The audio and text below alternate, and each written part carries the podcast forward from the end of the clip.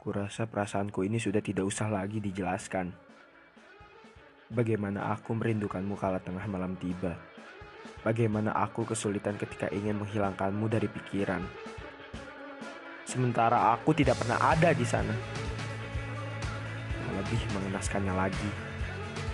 Aku hanya jatuh sendirian bersama sayap-sayap rapuh yang miring. Kau bisa mendengarnya saat angin hujan menerpa dedaunan yang jatuh dari pohonnya. Sayapku memang tidak terlihat. Tapi sayapku selalu ada untukmu. Ketika kau memutuskan untuk benar-benar menghilang, perlahan sayap itu runtuh. Senja menjadi penutup yang tepat kalau mentari tidak ingin menampakkan wajahnya.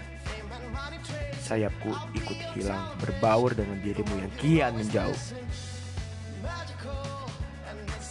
Baiklah. Sepertinya perumpamaanku ini terlalu jauh. Kau juga tidak akan paham dengan kata-kata ajaibku ini. Percuma saja. Bayangmu kembali menari-nari di benak saat aku menuliskanmu. Bagaimana aku sudah berjanji tidak akan menuliskanmu lagi. Tapi benak dan jemariku ini nakal.